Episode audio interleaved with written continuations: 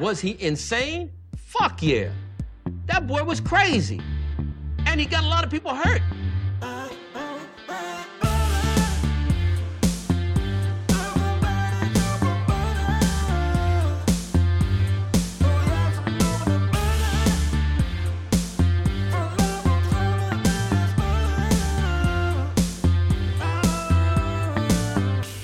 He doesn't like butter. I fucking love butter. I fucking love it.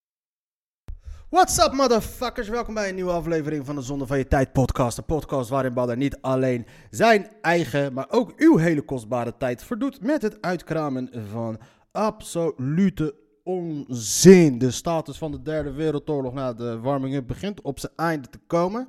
En eh, tot voor zover eh, de derde wereldoorlog, tot ik natuurlijk uiteraard zo meteen weer de krant open ga doen. En dan zal het daar helemaal niks anders gaan dan over dat.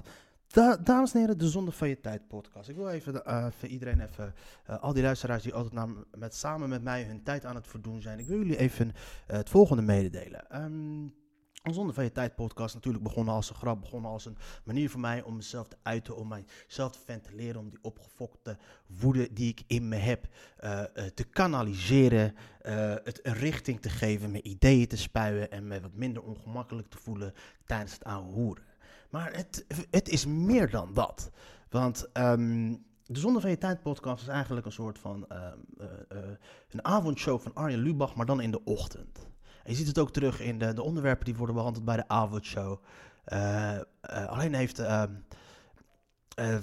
nee, het onderwerp. Ik, gisteren ging ik even, werd ik even fucking boos op die kerel hier uit Oesgeest. Die pianoleraar. Het was een heel klein stukje in de krant hier in het Leidse Dagblad van gisteren. Over dat hij dat liedje wou gaan zingen met die bitch. En daar had ik ook dus die hele aflevering van gisteren vernoemd. How can I make this about me? Vernoemd naar, de- naar die geniale eh, Instagram en Twitter account. Eh, How can I make this about me? Volg dat is fucking hilarisch. En, ehm, en toevallig, die gozer kwam ook toevallig op Radio 1 diezelfde dag. En het kwam in die avond ook in de avondshow. Dat was wel grappig om te zien. Het is eh, heel makkelijk om te zeggen dat ze mijn shit hebben gestolen, maar uiteraard niet. Ze hebben het te druk om hun tijd te verspillen aan het luisteren van een podcast. Het is wat we noemen parallel thinking, is wat we dat eh, noemen in de comedywereld. Dat heel veel mensen eh, hetzelfde idee erop nahouden. Ik had het een keer met Martijn Koning, een keer. En ehm, toen was ik... Ik had vroeger een grap, toen zat Sylvana Simons nog bij Denk.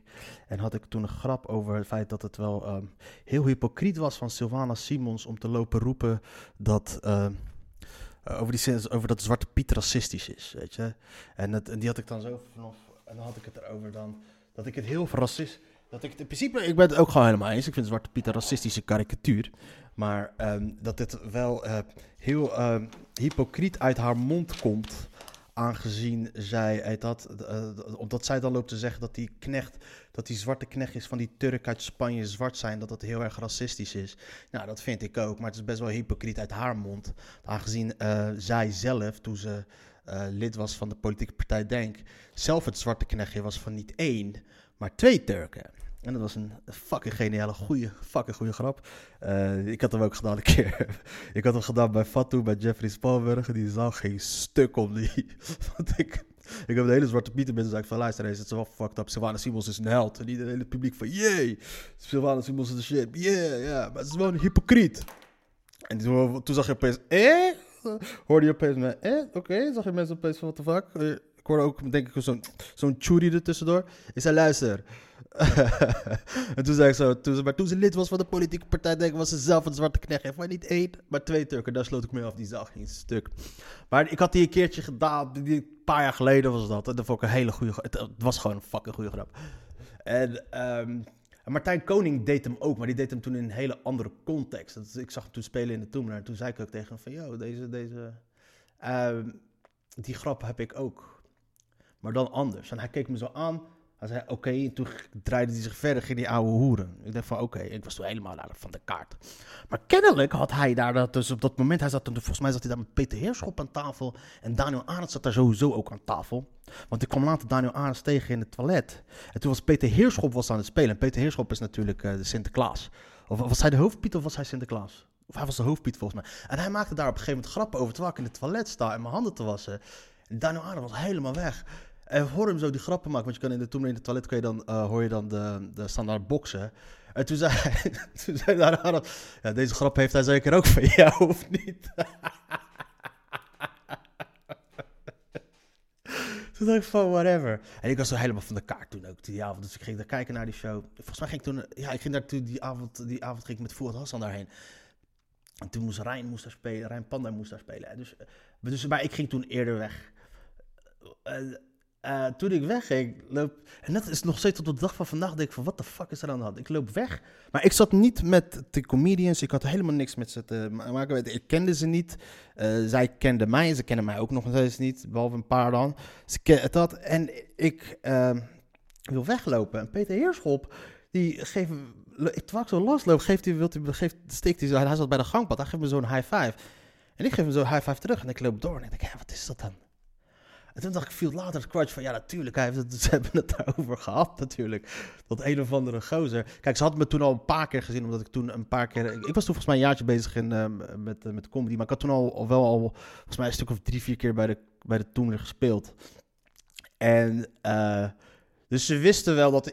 Dus volgens mij had ik toen ook wel eens met Martijn Koning gespeeld. En toen. Hij wist wel dat ik een comedian was, maar ik was gewoon een open micer. Dat ben ik nog steeds. Maar dat, toen al helemaal. Ik was gewoon een beginner. Uh, echt een absoluut, gewoon echt een beginner, beginner, beginner. En dat hij dan daar zoiets zei. Martijn Koning was toen. hij was toen wat hij nu zou willen zijn, eigenlijk nog een BN'er. en. Um, Dikke shout-out trouwens naar Martijn Koning. Die roost van Forum voor Democratie. Dat vond ik nog steeds echt een van de mooiste dingen die ik ooit... Voor de roost van Thierry Baudet vind ik nog steeds een van de mooiste dingen die ik op televisie had gezien. Maar... maar daar dus waarschijnlijk het gezegd, deze gozer zegt dat, dat, dat, soort dingen heeft gezegd. Maar ik denk wel dat, hij, dat het wel zoiets is van... Um, dat het als een comedian... Want het was een try-out dat hij dat deed. En uh, als hij dan zoiets hoort dat het wel dan zo fucked up is dat hij het dan gaat bespreken met comedians. Yo, deze gast heeft deze grap ook. Hij zegt ook dat hij deze grap heeft gemaakt. Dat het wel wordt besproken, dat ik, want je wilt geen grappen doen die anderen ook doen en dat soort dingen.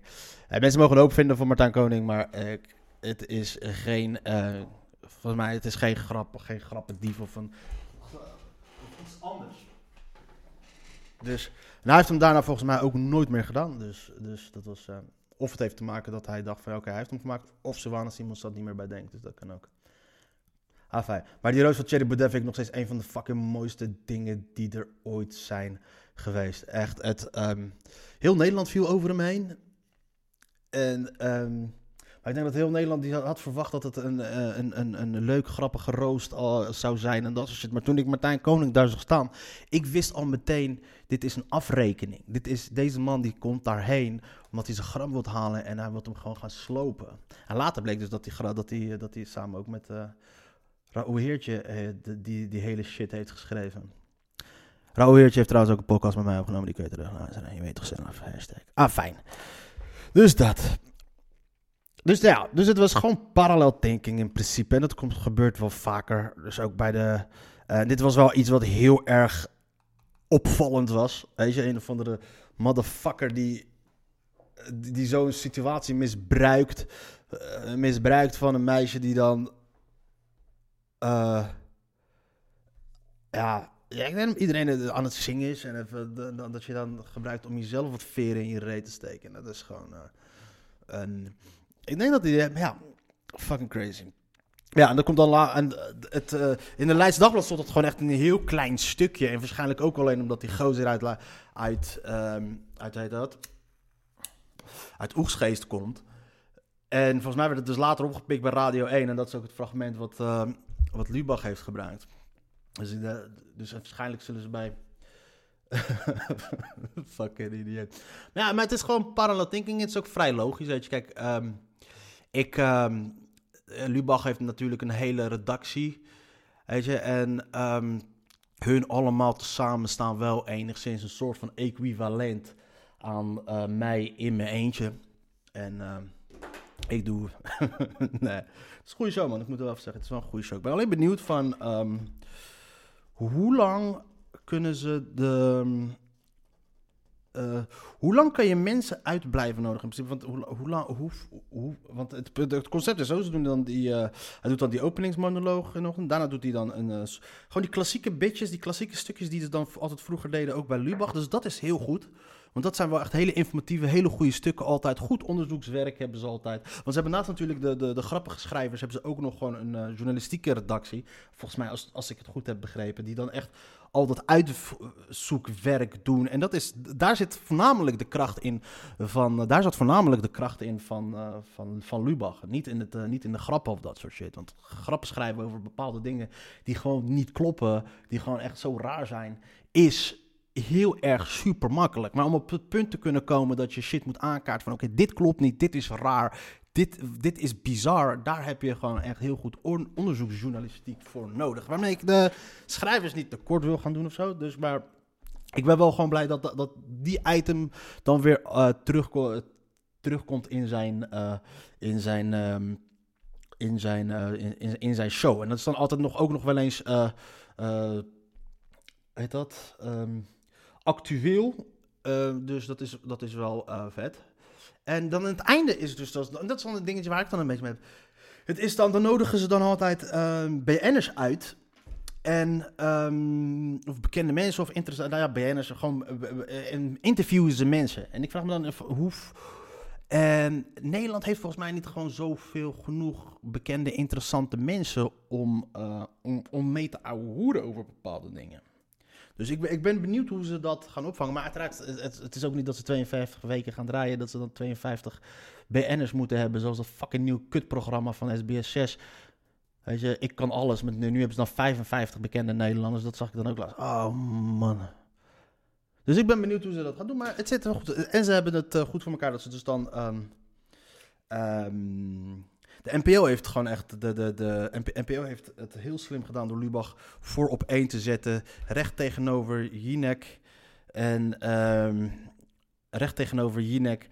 En dat, en, ja, dat is. Willen mensen dan het, het luchtige werk? Om dan vervolgens dan te kijken naar, naar, naar, naar de actualiteit en te praten met oude hoeren? Of willen mensen dan gaan kijken naar. Uh, ja, weet ik van. Nou, even Jinek die gaat lopen ouwe hoeren met een of andere. Uh, daar gaat het heel vaak over showbiz gerelateerde zaken. Want het is en blijft natuurlijk een RTL-programma. Dus het wordt ook nog wel nog steeds gewoon gebruikt als een soort van promotie van dat hele machine. Dus, um, dus daarom, daarin heeft NPO, uh, hebben ze, hebben ze, heet dat, hebben ze de, de, de, RTL, hebben ze gewoon, NPO 1 hebben ze de RTL echt even goed aangepakt. Want ik zit even te kijken. Kijkcijfers, wat zijn de kijkcijfers? Want het feit dat uh, op één na Lubach komt, dat is gewoon echt. Uh, dat is uh, dat. Um, ja, want mensen blijven dan gewoon zitten. En dat is, dat is dan echt. daarom had je ook bijvoorbeeld dat, een, dat Matthijs van Nieuwkerk vlak voor 8 uur journaal. Snap je? Dat, dat hakte dan een soort van. In, kijk hoor. Als we gaan kijken naar 10 maart 2022. Dan is de avondshow van Arjen Lubach met 1,1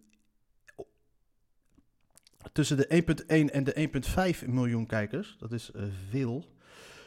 Althans, dat denk ik. En dan zien we op 1, die zit dan tussen de 700.000 en de 1,7.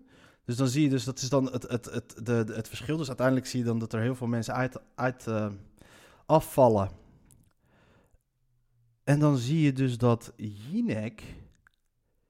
Jinek staat met 634.000 tot 1,6 miljoen. Dus er is gewoon een verschil, een, een, een, een, een marge van 1 miljoen. Dus daar haken op een gegeven moment heel veel mensen af. En bij Lubach hang, uh, haken er. Ja. En heeft, NPO 1 heeft dan ook nog eens Kamp van Koningsbrug. Hebben ze dus uh, ja. Dus en dat merk je dus dan wel dat. Uh, ja, want Jinek dat toch wel als we dan gaan kijken naar. Um, de, Lubach is begonnen op 5, ergens in februari.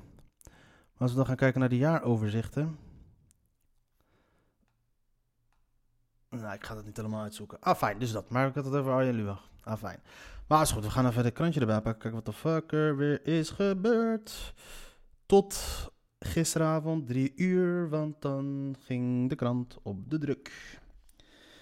In de tussentijd is er uiteraard altijd heel veel veranderd, maar dames en heren, dit is een actualiteitsprogramma in de ochtend. Accijns bij de pomp gaat omlaag. Ah, fijn. De, dat gaat omlaag. Hoe lang ben ik aan het houden? Ik ga niet langer houden dan, dan een half uur. Ja, ik zit al drie kwartier bezig.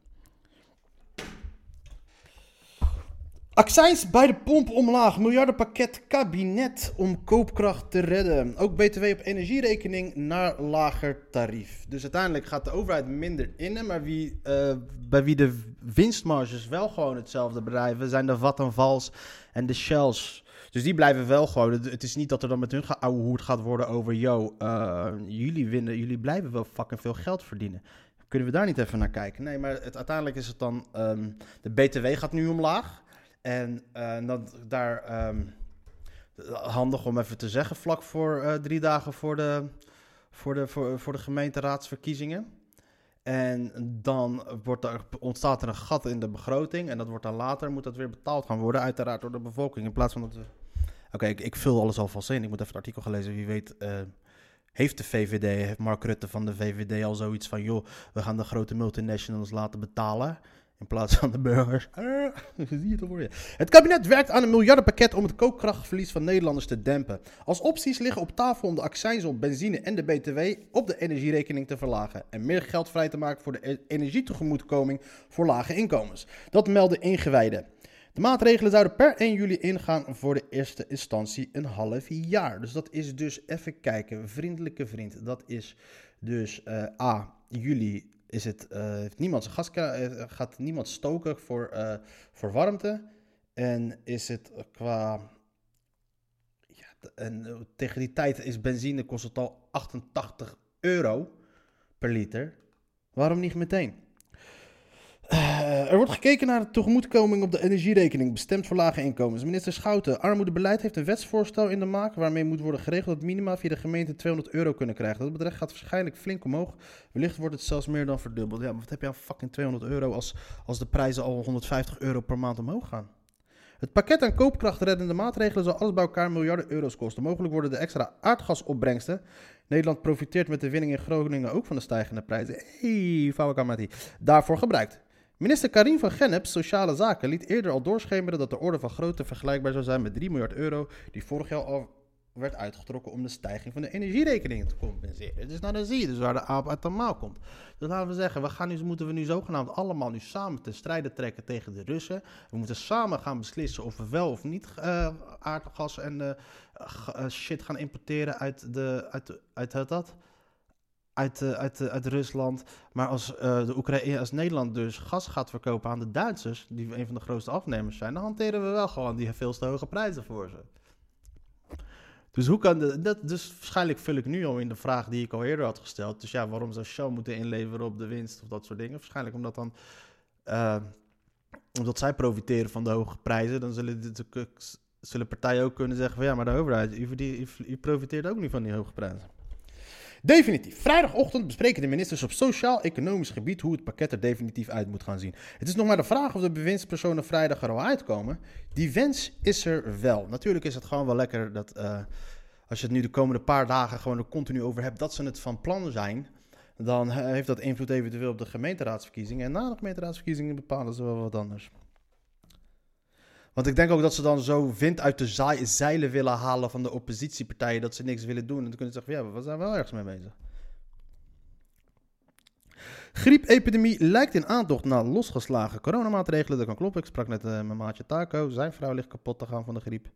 Eh, eh, geen corona, met de griep. En zijn dochter heeft ook griep. Bombardement ziekenhuis is geen kanteling in de strijd.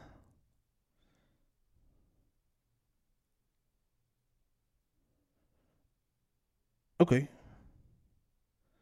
Nee, dat is gewoon hetzelfde. Uiteraard, de Russen zijn nu erop overgegaan om te lopen bombarderen op de... Ik heb gisteren drie biertjes gedronken en dat zijn gewoon letterlijk drie biertjes te veel. Ik merk het gewoon, drie fucking biertjes. Dat moet echt... ah, dat is echt niet goed. Ter, vooral niet ter voorbereiding van fucking St. Patrick's Day. Ik weet niet hoe de fuck ik dat ga doen. Hoe de fuck ga ik dat nog redden, man? Ik denk, ik leg er na één dag al af. Vooral als die gasten, die hebben dan nog, het, nog de bedoeling dat ze van... Ja, we gaan vanaf, vanaf Schiphol, gaan we al in de whisky. Ik zeg, je bent helemaal hek jij. Dubbel gevoel bij Moskou. China en Moskou labs in de Oekraïne voor biowapens. Ch- de Chinezen en de Russen die gaan nu gewoon een, eh, een Amerikaanse trucje uithalen. Tegen de Amerikanen zelf door te zeggen dat ze bezig zijn met chemische en biologische wapens. En dan zie je die Amerikanen zeggen van, maar wij hebben helemaal geen chem- chemische en biologische wapens. Waar heb jij het nou over? En dan hebben die dus, jawel, wij kunnen je bewijs laten zien. En dan gaan ze gewoon shitlopen photoshoppen zoals ze dat de Amerikanen hebben gedaan. En ze hebben het nu, zoals de Amerikanen dat in Irak hebben gedaan. En ze hebben nu dus gewoon voor elkaar gekregen dus dat ze een eh, narratief hebben tegen de Amerikanen. Die de Amerikanen zelf ook veelvuldig hebben gebruikt. Dus dat wordt een eh, interessante discussie. Eh, Volt overweegt toch nog in beroep te gaan tegen de zaak Gundogan. Oké, ik dacht dat jullie vrienden waren geworden, want van de week is natuurlijk uh, is vrijgesproken, als, althans niet vrijgesproken, maar het eh, handelen van het bestuur van Volt was onrechtmatig verklaard, dat dat enigszins niet overeenkwam met de statuten van de partij. Ze hadden haar dus niet uit de partij mogen schoppen, of ze hadden te snel gehandeld, of iets dergelijks. Dus de Volt werd geboden dat ze dus de, de mevrouw terug moesten nemen en dat haar nog... vijf doezel moesten geven als eh, ter compensatie. En eh, nadat, eh, na die rechtspraak, toen zei die Laurens Stassen dat die van, had zoiets als van... joh, we vinden het prima, is goed, we gaan samen weer om de tafel zitten. En zei ook, is goed, we gaan weer samen om de tafel zitten. En nu komt twee dagen later, komt er dus naar boven, naar buiten, dan lees ik nu de stand. Volt overweegt toch een beroep te gaan tegen de uitspraak zaak Gundogan. De partij Volt overweegt toch in hoger beroep te gaan tegen de uitspraak van de rechter. Die woensdag oordeelde dat de partij het geschorste Kamerlid Nilüfer Gundogan terug in de fractie moet nemen. Zij was uit de fractie gezet nadat er meldingen tegen haar waren gedaan wegens grensoverschrijdend gedrag. Maar volgens de rechter heeft Volt in de hele affaire te voortvarend een onjuiste weg bewandeld. Partijleider Laurens Dassen, niet Laurens Stassen. Dat is toch iemand anders, Laurens Dassen? Is dat niet die presentatrice? Die grote hoofd? Zij woensdag gevolg te geven aan de uitspraak en met Gundogan te gaan praten. En één vandaag meldde donderdag dat de partij nadenkt over hoger beroep en Volt bevestigt dat. Advocaten van de partij zouden zich daar nog over beraden. Deskundigen, onder wie hoogle hoogleraar staatsrecht Wim Voermans en parlementair historicus Bert van den Braak, spraken woensdag al respectievelijk over een vreemde en verregaande uitspraak van de rechter. Volgens Betty Drekshagen, auteur en voormalig ambtenaar, zijn verenigingsrecht nog arbeidsrecht hier van toepassing, terwijl de rechter zich daar wel op baseerde. Volt kwam vorig jaar met drie zetels in de Tweede Kamer. De rechter toonde in het vonnis wel begrip dat de jonge, relatief onervaren partijleiding in actie kwam na melding van grensoverschrijdend gedrag. Nou, niemand weet nog echt zelfs dat zegt. Ze heeft daar een tikje uitgedeeld. Ze heeft daar een beetje lopen schreeuwen tegen mensen. Ja, die Laurens Das is wel een pussy. Hij, heeft, zijn, ideeën en hart wel op de juiste plek. Maar zijn ballen hangen niet waar ze zouden moeten, ballen, zouden moeten hangen. Het is gewoon weer zo'n... Uh, stel je voor, hij wordt premier je zet hem tegen Poetin. Ja, maar dan zou je, als je dat 15 jaar geleden had gezegd over Mark Rutte, zouden we ook zeggen: yeah. Die is nu al 10 jaar premier. Ah, fijn. Weet je, Nederlanders, raar volk, ze stemmen op hele gekke mensen. Ik snap het niet. Toch steeds ook het hele gevoel met fucking D66, dat die mensen het ooit in hun hoofd hadden gehaald om, uh, om, om, om Rob Jette partijleider te maken van de toen nog een tweede of derde grote partij van Nederland. Dacht ik ook zo, hoe ben je wel goed bij je hoofd? Ga jij nou in godsnaam... Wie zit er nou in godsnaam bij D66? Kijken ze bij de, bij de verkiezingen van... Oké, wie gaan we, wie gaan we partijleider, partijleider maken? En dan zie je Rob Jette daar zo... Hè, zo met zijn smoezie smoezie staan. En denk van... Ja, ja, dat is hem. Dat is, dat, dat is de man. Dat is de man. Kijk, je mag van Baudet en Wilde zeggen wat je vindt... Maar ze stralen, ze stralen wel autoriteit uit. Weet je, ze hebben wel uh, persoonlijkheid. Uh, Zakir, vooral Baudet, Kierwiet... Er staat, er staat wel iemand. Ze, ze representeren zich wel. Maar die, die, die jetten, snap je? Ah, dat vind ik zo irritant aan die linkse partijen. Nou, je moet gewoon even kijken. Stel je voor, je, gaat, stel je, voor je bent aan het stappen ergens en je krijgt ruzie met uh, iemand. Wie zou je dat je zou, zou je. Wie heb je liever dan aan je zijde? Snap je? Robjette niet.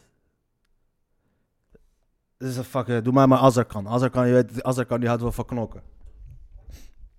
Dan zo staat hij wel altijd bij de interruptiemicrofoon zo voorover gebogen alsof hij fucking net een paar nieuwe bars gaat spitten bij uh, 101. zo fucking boos staat hij daar.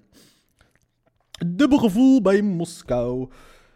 Over, op de Britse zwarte lijst. Ja, dames en heren, we gaan aankomen aan bij iets wat mij heel erg aan het hart ligt. Althans, Eh, Roman Abrahamovic, Tegrat Ali, zoals we dat in het Marokkaans zeggen. Hij is de Sjaak. Eh, een paar weken geleden al. Roman Abrahamovic is eh, uiteraard de eigenaar van Chelsea. Is de, de eerste echte oligarch die ooit dan een, een club had gekocht. Volgens mij was dat 2004 of zo ergens. En sinds die heeft van Chelsea weer echt, gewoon echt een topclub gemaakt. Alle prijzen gewonnen die er maar te, winnen zijn, volgens mij. En ehm, ze domineerden Engeland op een gegeven moment ook. En toen. ehm nou, was altijd al een matties van. eh, van ehm, altijd al een vriend geweest van eh, Poetin. En nu deze hele shit is eh, losgebarsten. kwam er al toen er al sprake begon te komen van. een. ehm, sancties tegen de oligarchen. viel zijn naam meteen al natuurlijk in. in Groot-Brittannië. En toen begon te borrelen, te borrelen. Waardoor hij zo besloot van, joh, ik doe afstand van mijn...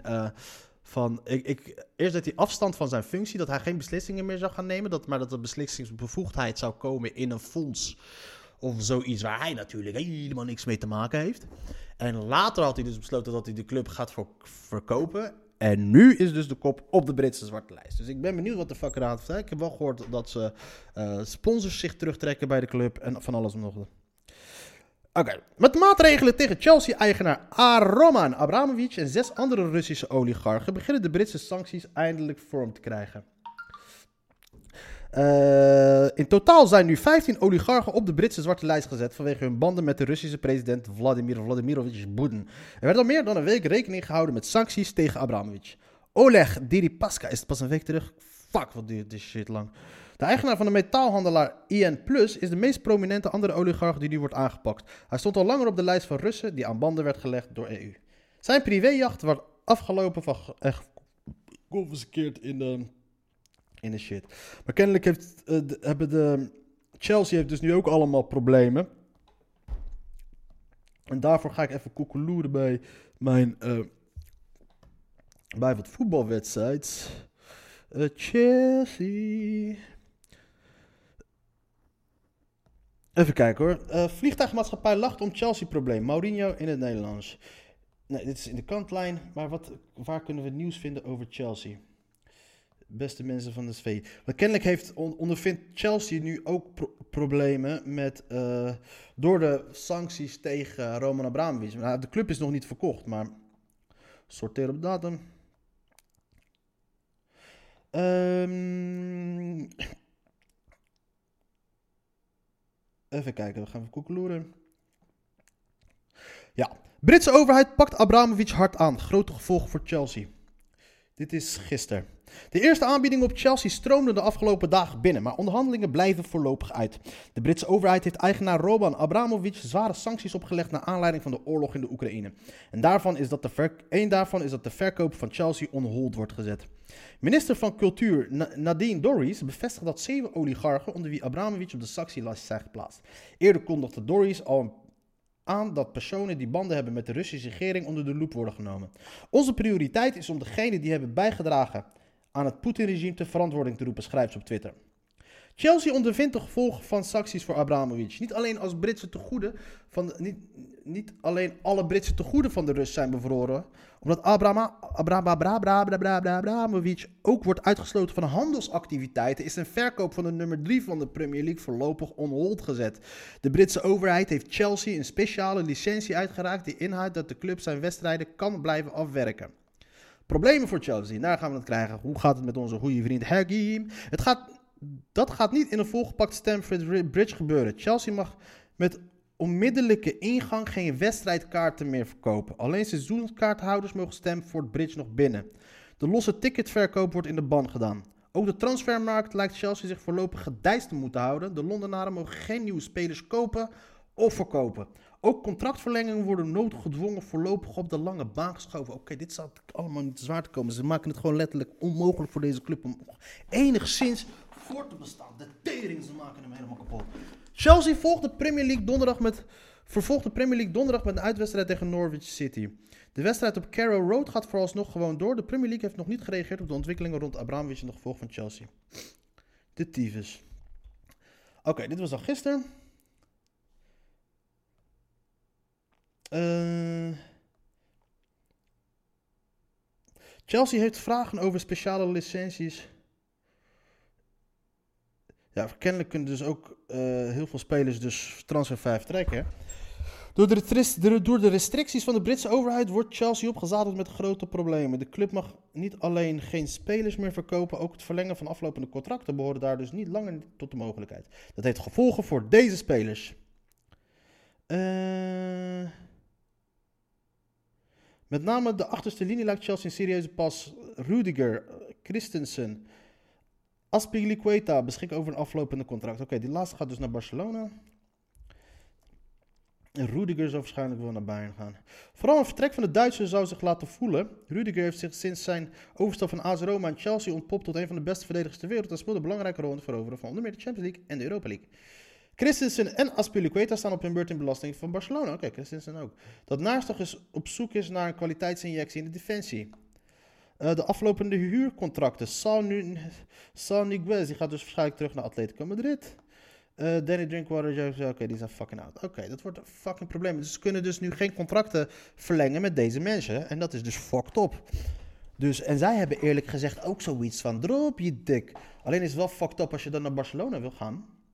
Ja, Rudy, voor Rudiger staan de clubs in de, in, de, in de rij. En ik denk dat kijk, waar zou die naartoe kunnen gaan? Ehm, ik denk dat hij naar Bayern gaat. Ehm, nou, de volgende domper voor Chelsea. Ook de hoofdsponsor trekt zich terug. Chelsea speelt voorlopig in een leeg shirt. Hoofdsponsor Tree heeft de samenwerking met de club opgeschort en wil de bedrijfsnaam van het shirt hebben.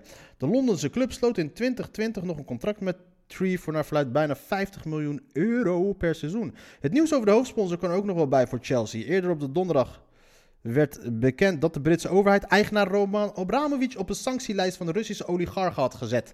Naar aanleiding van de oorlog in de Oekraïne. Nu raakt Chelsea ook hoofdsponsor 3 kwijt. Het telecombedrijf heeft aangegeven dat het logo van het bedrijf van het blauwe shirt moet. Oké, dit heb ik al gelezen. Nou, dat is probleem nummer 2. Eh ja, en ze moeten nu dus ook met de bus naar. eh, De sancties voor eigenaar Roma. Kijk hoor. En hebben ze ook natuurlijk de coach gesproken. Tuchel strijdbaar, zolang we een bus en, en genoeg shirts hebben. Voor Thomas Tuchel is de zaak om de onzekere situatie. Chelsea-situatie buiten het lijnen te scheiden van de prestaties op het veld. De Duitse manager beseft dat de impact groot is. De sancties voor eigenaar Roman Abramovich hebben grote gevolgen voor Chelsea. Dat onder meer qua selectiebeleid een pas op de plaats moet maken. Aan en verkopen van spelers is uit den boze, net als het aangaan van nieuwe verbindenissen. Onzekerheid over de toekomst overheerst op Stamford Bridge. Ik zag het niet aankomen en ik weet niet wat er morgen komt, zegt Tuchel na de overwinning op Norwich City. Het niveau van de impact is groot. Het nieuws is groot. Op termijn zullen we weten hoe groot het nieuws en de impact waren. Oké. We hebben daar geen invloed op.